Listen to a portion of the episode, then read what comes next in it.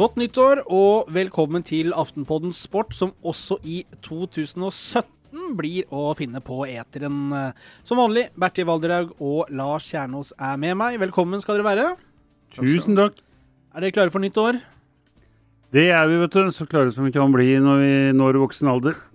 Hvordan er det, Bertil, å åpne almanakken og se at det står januar? Det er alltid like befriende, for da, har, da du fylla ny, nyttårsforsett og uh, ser muligheter, ikke begrensninger. Uff, dette hørtes tungt ut. ja, det gjorde jeg jo inntil jeg så regningsbunken i, i postkassa mi. Jeg, tror- jeg tror ikke det var én bedrift i hele landet som ikke hadde sendt deg regning til meg. De kommer i januar. Med andre ord, det blir den samme gamle tralten. Han lar seg i digital kompetanse. Han, han får da fortsatt i postkassa. Vi andre, vi andre får det digitalt. Må jo spørre, da, hvordan har høytiden vært for guttene på Årvoll? Det har vært bra. Det har dessverre ikke vært noe mye skigåing. Det har jo ikke vært snø, men det har vært eh, flott å være i marka. Når jeg har vært hjemme, jeg har vært i Ålesund og på Bjørklangen og kost meg på det herligste stedet her. Men det var fint i marka, selv om det ikke var snø, altså. Men det, er, det fine med det, Bertil, er vel at da blir det jo ikke noe bomsmøring. Nei, men det går an å ta på seg feil sko. og Det går an å bomme på, eh, på skovalget. Så Har du rusla rundt i marka i slippers, du, Lars? Ja, rusla rundt i marka har jeg ikke i slippers, men uh, vært oppom og så med lengsel etter ei sløyfe på Linderudkollen hvor det var litt snø. Men Bertil uh, har vært på den. Jeg uh, tok ikke sjansen. Du vet det, Lars. Jeg har jo alltid et tips til deg hvor du finner eh, gode skiforhold i marka.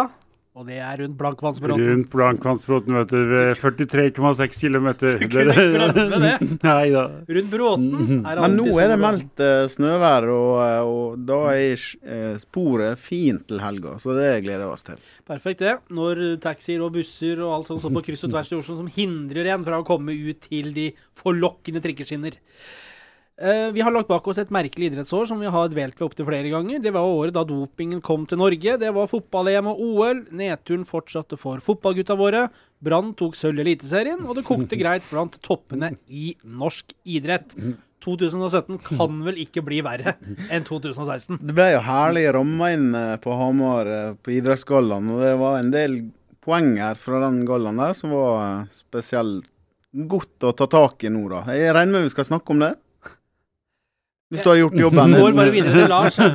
Det, samme spørsmål til deg. 2017 kan vel ikke bli verre? Nei, det blir ikke verre. Det blir mye bedre. Garantert. Eh, men nå kommer det som du du klarer jo aldri å holde snavla, vet du. Her står det Men tross i alt som skjedde i året som gikk, Sa han. så skal alle skrives inn i. Det er ingenting Å er det Filmavisen med Kjetil Flygen. hei hvor det går! Her kommer løperne! Går kjempefort! Eh, men det er jo ingenting som engasjerer så mye som Idrettsgallaen? på Hamar. Eh, annet enn når ha Storhamar spiller hockey, selvfølgelig, da, i Hamar og Olamfi. For på lørdag så satt ikke Lars Kjernås eller Bertil Valderhaug og så på hver gang vi møtes. Da satt Årvolls Twitter-konger spikret foran skjermen og så glitter Twitter-konger eller Twitter-konge? Eh, Her, altså, får ikke lest ferdig ei lita manus her før skal bli avbrutt. Da satt Ja, dere så vel på, det var greia da. Det er sant. Og tvitra litt underveis. Enkelte av oss. I hvert fall én. Ja. Lars, Lars hadde jo live, live på Twitter i helga. Fra Galla, fra Tour de Ski og all, alt der det var no, norske idrettsutøvere i aktivitet. Ja, men det er bra, Så var. Lars tett på. Ja, så ble jeg ikke beskyldt for å ha digital kompetanse. Jeg greier å stable bokstaver etter hverandre og sende dem på Twitter. Det er, eh, Det er dårlig gjort. Det, ja, det Det er imponerende. Hvor mange følgere har du nå, Lars? Er Godt over 30 000? Ja, altfor mange. Hvor mange har du, Bertil? Og bilen går bra? Nei, eh, nesten 4000. Ja. Oppfordring må være følg guttene. La jeg som er ydmyk, få sitte her i skyggen. Eh, priser ble delt ut. Eh, folk hadde stasa seg ut i kjoler og dresser, og det var sminke og hårfarge, så jeg. Og i sofaen så satt du, Lars, og var dundrende uenig. Hvorfor engasjerer Idrettsgallaen såpass som man gjør? Fordi det er idrett, og fordi det er eh, kontroversielt. Det er vel Ikke er det idrett, ikke er det galla? Nei, men det, det er jo summen av det. Men eh, jeg, jeg var dundrende uenig i én pris. Resten syns jeg egentlig var eh, mer eller mindre innafor. Jeg var uenig i de som fikk prisen for årets lag. Der mente jeg, og mener fortsatt eh, krystallklart, at uh, skiskytterlandslaget for, eh, for damer burde ha fått den prisen. I Når har stedet for i stedet for håndballjentene. Mm. Når du har én konkurranse i ditt liv som er viktigere enn alt annet, og det er VM-stafett på hjemmebane, og du mot absolutt alle odds altså det, var mer sannsynlig at det kom isbjørn over gratishaugen før start, enn at uh, Norge skulle vinne skiskytterstafetten. Og når de greide det, da, da er du fortjent til, eh, til å få prisen som årets lag for meg. Der sto jeg faktisk i innspurten og så når Marte Olsbu kom uh, susende inn der og sikra Norge gull. Det var eh, fantastisk stemning i Holmenkollen da. Men Ja, Bertil, under hele mesterskapet var Ja. det det. Og det var vel ingen priser til skiskyttere, var det det? det var null. Det Nei, det var, det? det var null, faktisk. ja. Etter Og det, med tanke på hvor Mm. godt eh, VM Norge hadde, Mm.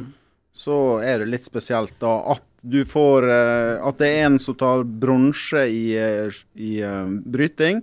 For all del, kjempeprestasjon av Stig André Berg, men når han får tre priser, det er ingen til skiskyttere, så syns jeg det er forunderlig. Og årets galla, bare for å si det. Vinteridretten har jo blitt beskyldt for at det er en vinteridrettsgalla.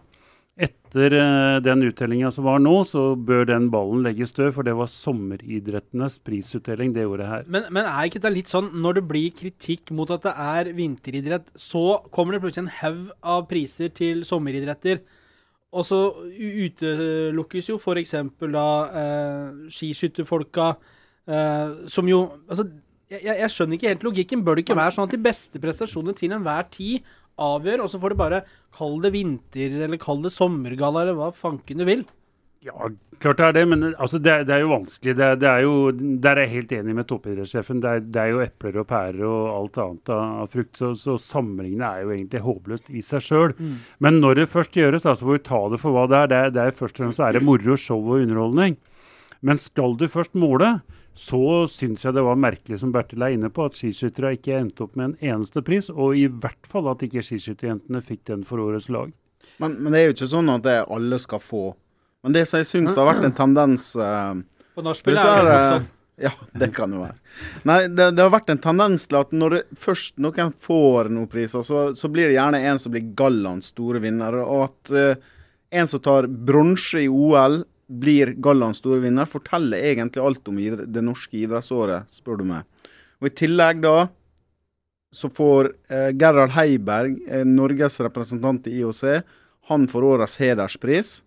Og rundt det største bordet der, så sitter altså de største eh, boksekjempene i norsk idrett i 2016. Med kulturminister Linda Helleland er jo altså plassert på bord med idrettspresident Tom Tvedt og generalsekretær Inge Andersen. Jeg lurer på hvem som står bak den bordplasseringa der. Så eh, det var Jeg syns det ble ramma inn, eh, egentlig. Men det beste innslaget under hele gallaen for meg var Nicolay Ramm, som hadde den der eh, litt barnehage, toppidrettsbarnehagen. Det var gøy. Siste Cowboy så var jo det syns jeg var sterkt etter å ha kommet tilbake. Det er noen av oss som må jobbe. Må jobbe. Så jeg rakk jo dette del to. Der var jo CC Cowboys Cowboys CC Cowboys fra Østfold som Vi jobba, vi har satt og fulgte med Ja, for ja, at vi skulle ha vettuge svar på eh, disse her uh, Vi, vi forbereder spørsmålene. podkast, vi. Ja. Så blir vi beskyldt for å drive dank. Her, eh, dette er drøye påstander, eh, rett og slett. Det, er, eh, nei, men det beste med idrettsgallaen nå var at du slapp de der ferdigskrevne kransekakevitsene på, på scenen. Ja. Som har vært det, det har jo vært direkte pinlig år etter år. Det er til og med ikke kransekakevits, men de du ikke kunne bruke til kransekakene til jul, de har du brukt opp på idrettsgallaen etterpå. Ja. Nå slapp vi dem, og det var deilig.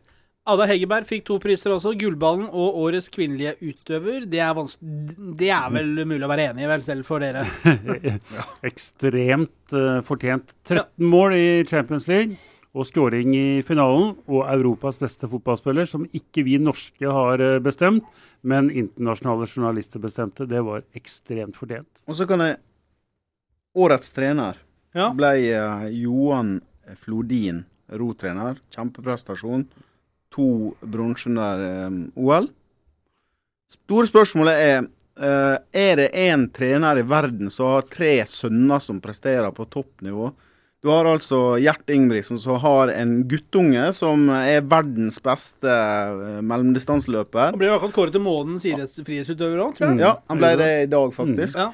Og så har du storebror som til tross for at han knapt klarte å løpe på foten, han var skada gjennom hele sesongen, eh, var eh, en nesetipp fra å bli europamester på 5000 meter. Og en eh, l- mellomste bror her som eh, tar et sjokkerende eh, EM-gull på 1500 meter, der broren, storebroren tar bronse. Jeg syns den prestasjonen som Gjert Ingebrigtsen klarer å kombinere å være toppidrettstrener og far samtidig og få frem så sterke resultat, det syns jeg er en pris verdig.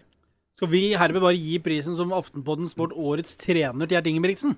Den er jeg med på. Med på øh, begrunnelsen og med på uttellinga. Gjert, Gjert for meg. Da Gjert for Norge, da. Gjert for Norge. Herved. Um, jeg så noen som påpekte litt eh, morsomt på Twitter Ikke deg, Lars, men det var faktisk noen andre som slapp gjennom feeden der også. At,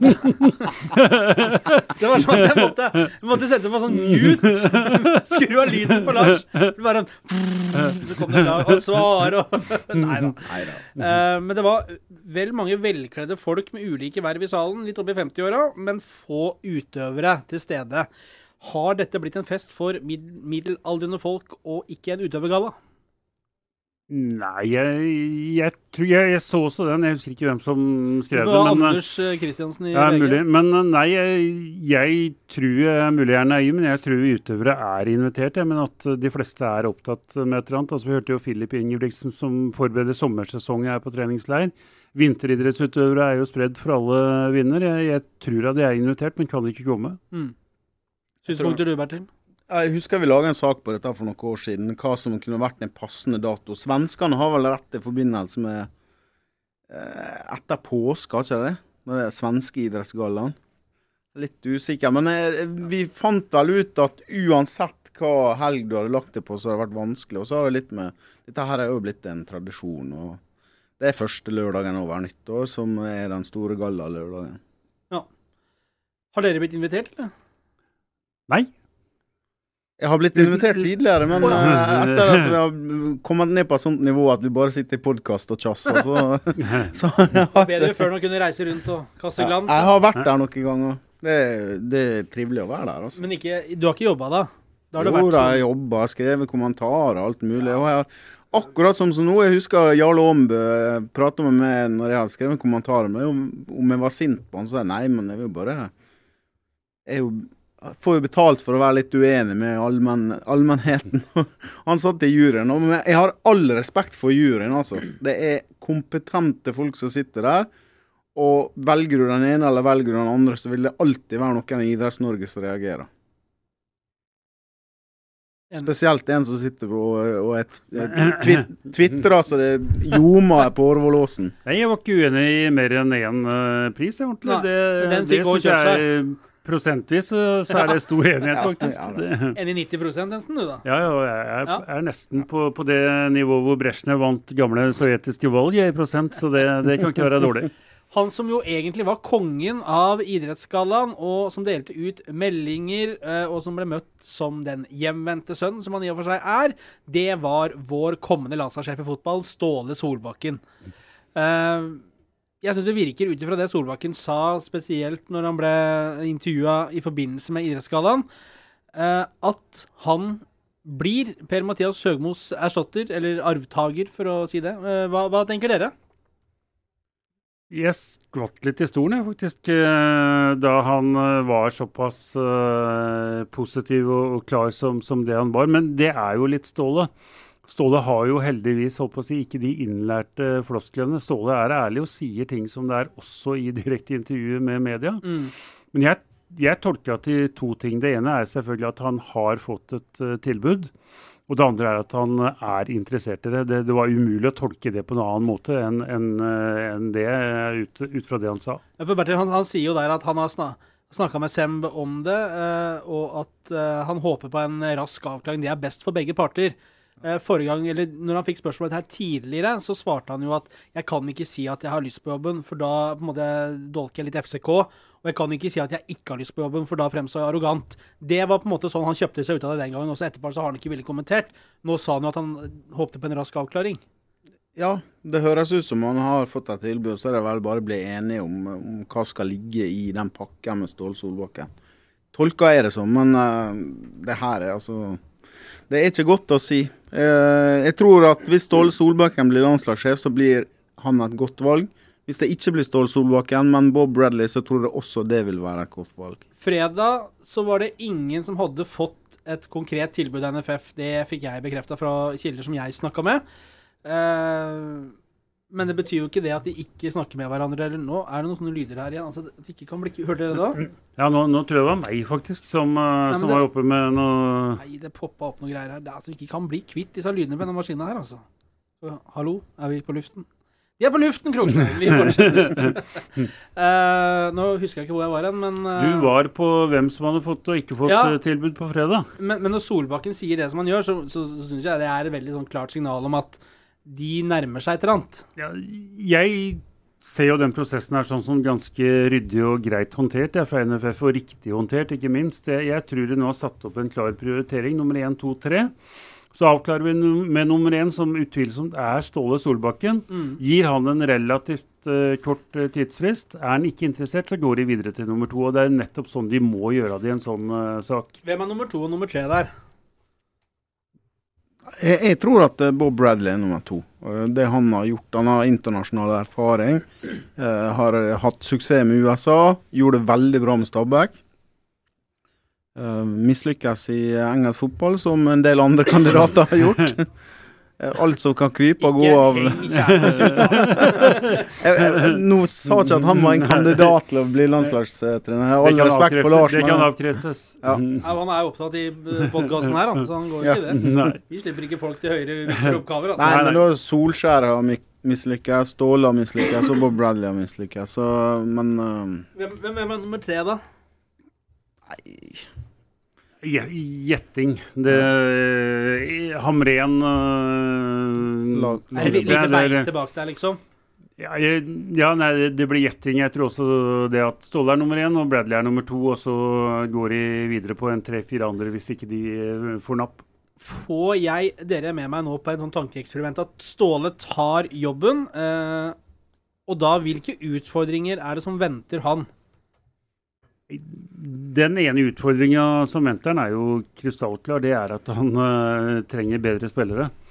Uh, altså Min mening, hvis du skal si det veldig enkelt med Per-Mathias Høgmo, han fikk det landslaget til å prestere litt dårligere enn det de har forutsetninger for. Men ikke ekstremt mye dårligere. For bedre enn det er ikke spillere. Vi må få flere spillere ut i bedre ligaer, og dermed gi den neste landslagssjefen, uansett om det blir Ståle eller ikke, bedre arbeidsvilkår. Det er en krystallklare utfordring. Hvordan ser du det, Bertil? Ja, jeg mener at hovedutfordringa er nummer én å få bedre resultater. Det tror jeg kan gjøre ved å gjøre en del taktiske grep som Høgmo ikke fikk til. Hva, hva, hva tenker du på da, liksom? Ikke være så naiv i tilnærminga til å, å ha en sånn romantisk greie på at Norge skal føre kamper. Sånn. Litt tilbake til det som var grunnpilarene på 90-tallet, som gjorde at både Rosenborg og, og landslaget presterte bra. Og det er full fart i lengderetninga. Nærmeste highway mot mål. Jeg tror jeg Ståle Solbakken er såpass kynisk at han kommer til å uh, satse veldig på. Og at han tar ut de som har lyst til å prestere for landslaget, og virkelig vil blø for drakta. Mm. Jeg kommer til å være noe klippekort under eh, Ståle Solbakken. Å begynne med forsvarsspillet. Altså Høgmo begynte jo i andre, andre enden. Han begynte med angrepsspillet. Innleggsdimensjon. Ja, og Ståle kommer til å begynne med grunnmuren. Han kommer til å begynne med å strukturere opp det forsvaret. For det, når vi snakker spillestil i norsk fotball, så snakker vi nesten bare angrepsspill. Nå har det blitt sånn, vi har vært inne på det før, og nå har det blitt sånn at vi vurderer en midtstopper etter hvor god han er til å sette i gang angrep, og hvor god en bekk er til å komme nær motstanderens dørlinje. Men en midtstopper skal først og fremst stoppe motstanderens angrep, og en bekk skal først og fremst være ryddig defensivt, så får andre være krydder. Og det kommer Ståle til å begynne med, hvis det blir han. Er det spillere som kommer til å bli børsta støv av, som uh, Ståle kommer til å hente inn? Tror du det blir mye endringer liksom, hvis han tar over, eller?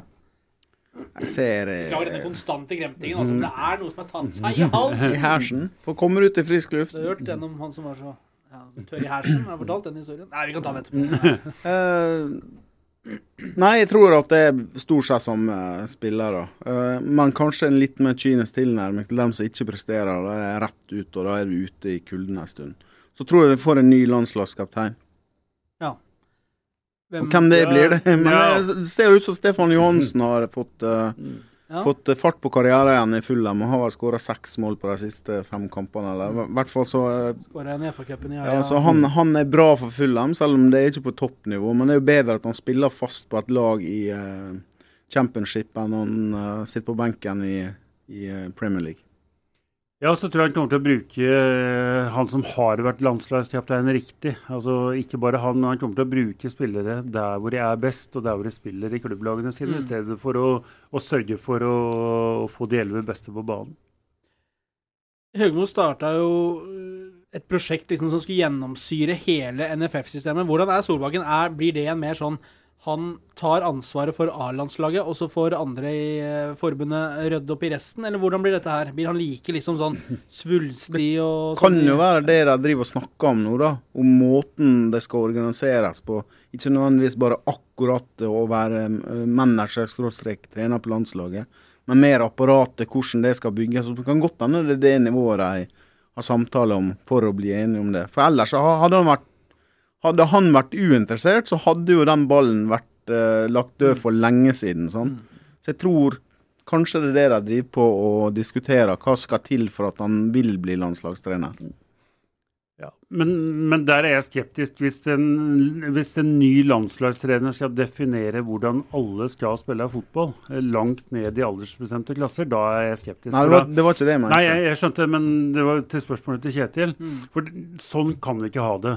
For da, da risikerer vi at alle som driver med aldersbestemte landslag og holdt på å si klubber, kretser, i hvert fall i kretser og regioner, må begynne å, å forandre filosofi og måte å tenke på hvert annet eller tredje år når, når landslagstreneren får sparken. Der må det være folk som sitter i forbundet som har en klar overordna plan. 10 år, 15 og 20 år fram i tid, at de følger en rød tråd, ellers så blir det bare baluba. Uh, han har bygget opp tre mesterlag i FC København eh, og ett i HamKam. Er det mulig å gjøre det samme? Mesterlag i HamKam? Ja, det var jo et mesterlag med tanke på hvordan det hadde vært eh, perioden før han kom til. Ja, sånn. Det var jo en scoring i Skien, hvis jeg ikke husker feil, unna Royal League i 2005, var det vel? Royal League, ja. Der, eh, der det, ja, der, der dukker det fram mange rare meninger. Kjempeturnering, det må vi få tilbake. Ja, ja, jeg var i Malmö Odens og Helsingborg og mange rare steder og kommenterte Royal League. Ja. Jeg husker eh, Ja, det, vi må Eller rare steder. Det er ikke Malmö, Helsingborg og Odense. Det det, det er ta i. Det er, det med kanskje gå med solbriller når jeg gjorde ut av døra her. Det, finnes jo verre plasser. ja, ja. Men jeg husker at Start spilte vel mot Midtjylland, tror jeg, på Skagerrak. Og 63 tilskuere. Ja. Det var jo 317 minusgrader. Men han fikk det jo Han, han skapte i hvert fall et eller annet uh, på Hamar. Uh, Ja da. Eh, der, da. Uh, men, men er det mulig å, å gjøre noe sånn med et norsk landslag hvor han ikke er på feltet mer enn uh, noen uker i året, sammenligna med klubblaget hvor han er hver eneste dag? Ja, mulig er det. Drillo greide det i sin tid, og holdt på å si Nils Johan de første åra greide det også. Så at det er mulig, det, det er ikke noe tvil om. Men det blir jo spennende da, hvis det blir Ståle. Om han er like god som landslagssjef som han er som klubbtrener. For det har vi jo også vært inne på før, men det er fortsatt to forskjellige ting. Men han var jo også stemt under uh, Nils Johan Semb. Uh, Ja, han, han var det. og, og vet jo hva det Og har jo spilt på landslaget, så han vet jo veldig godt hva det dreier seg om, egentlig. Skal vi glemme VM-kvaliken og se frem til EM i 2020, eller er det håp om at det blir Russland-tur på guttene også, med et lite sånn avdelingskontor for podkasten på Mosk Moskva, no, Nostrovia?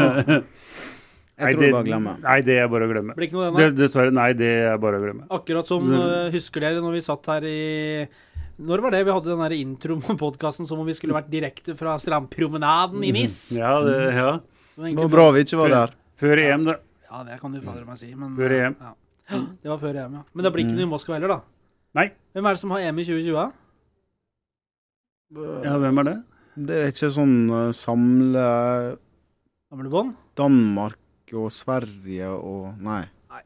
Dette- Nei, uff. Det her er vanskelig. Jeg, jeg, kan- jeg kan gå inn og google mens vi sitter Jo, det, jo, det er det. Det er, det er sånn Jo, Det er sånn det er helt riktig. seks-sju nasjoner, tror Jeg jeg. tror til og med det er Sverige. flere som skal ha hver sin eh, England skal.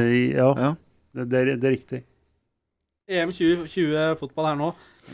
Det eh, skal eh, arrangert i juni og juli 2020. 13 forskjellige byer i 13 forskjellige Men i all verden. Det er da Skal vi bare dra det, eller for folk som syns Ja, det her var det, helt nytt? ja. Det er da på Wembley i London. Allianz Arena i München. Stadio Olympico i Roma, det har vi jo kjempegode minner fra. Baku skal vi til. Vi skal til St. St. Petersburg. De, der kan, dit kunne jo vi reist.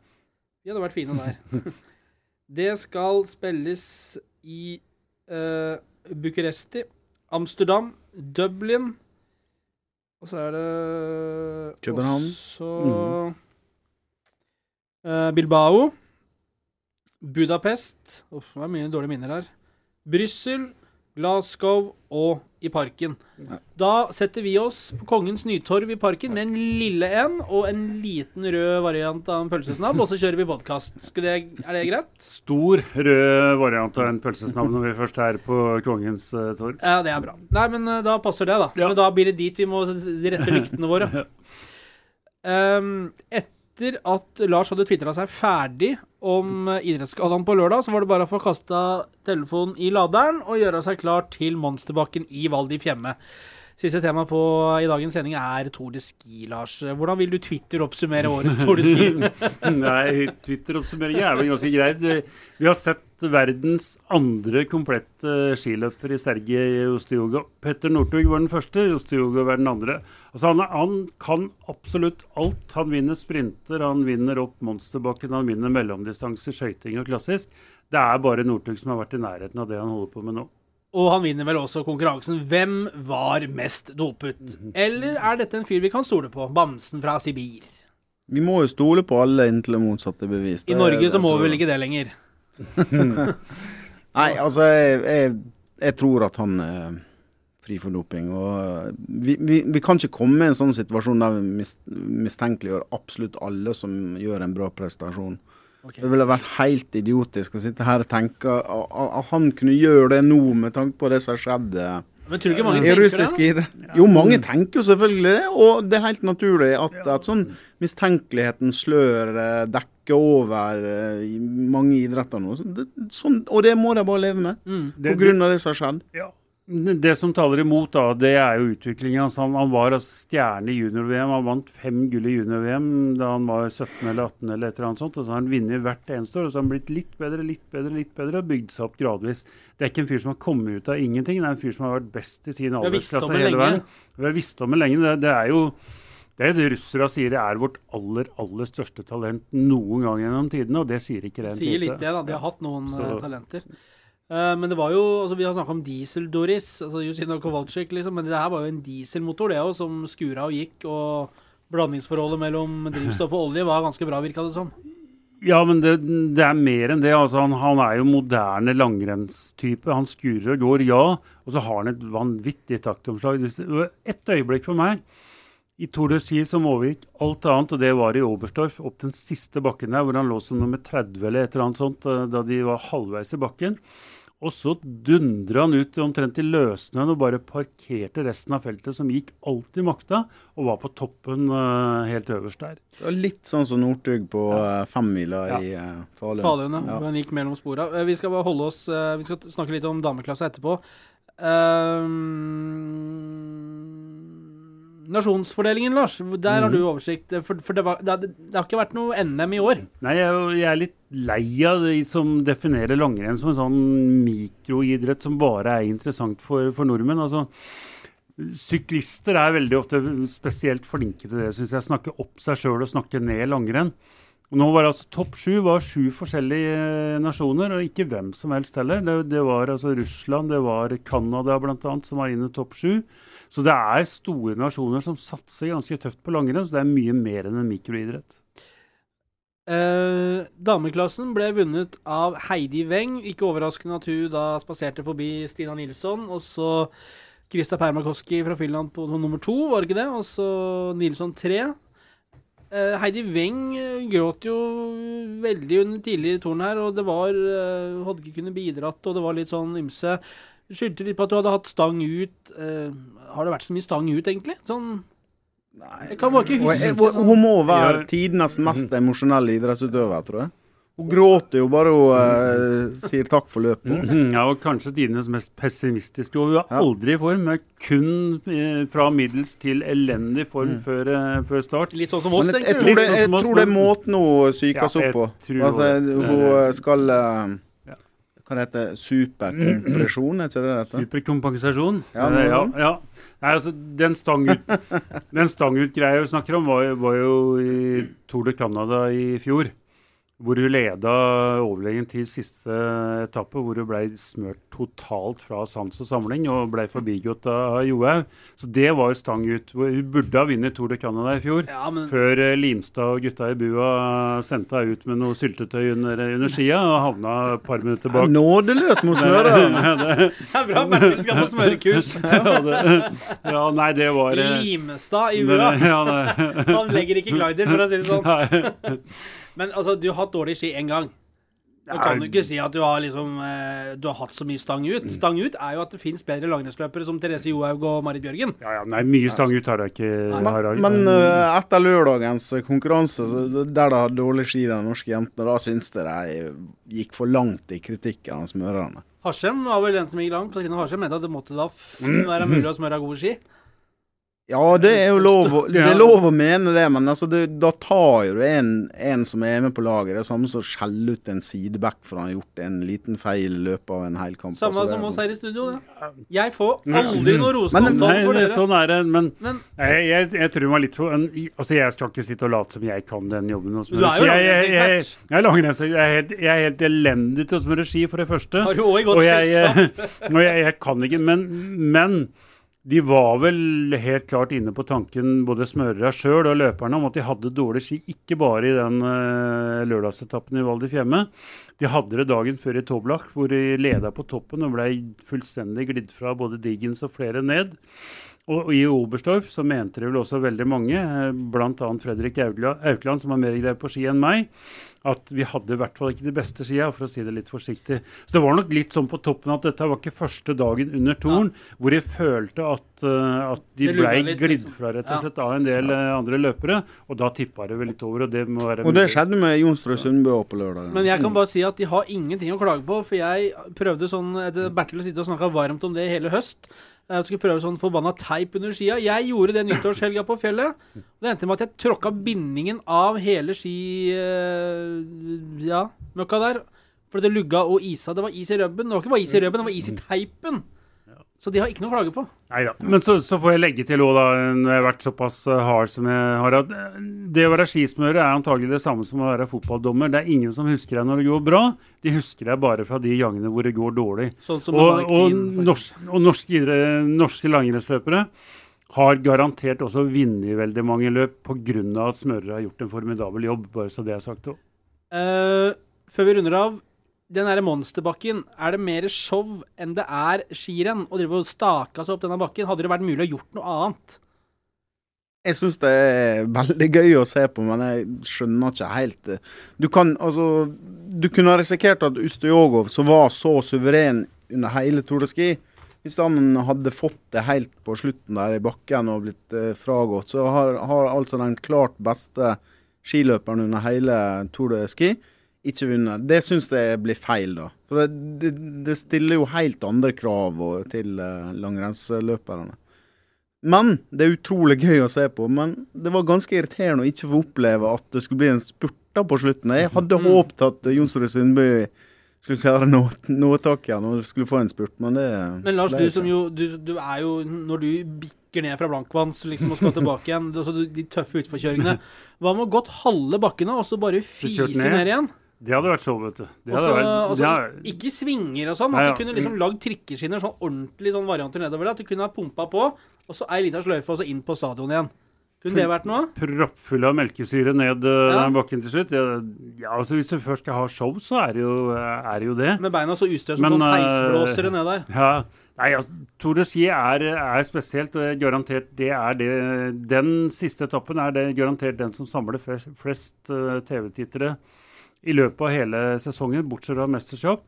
Og Derfor er det også en suksess. Så det får lov til å være litt spesielt, syns jeg, da. Ja, Helt enig. Er det bra, da? Er det bra? Ja. Prøve gjennom ei uke, eller? Med eller uh, uten uh, blåsviks. Ja, det blir i hvert fall ikke den forbanna teipen. Det er siste gang jeg har hørt under mine plank, i hvert fall. Det kan jeg bare si. Ja, ja ha det, da. Ha det.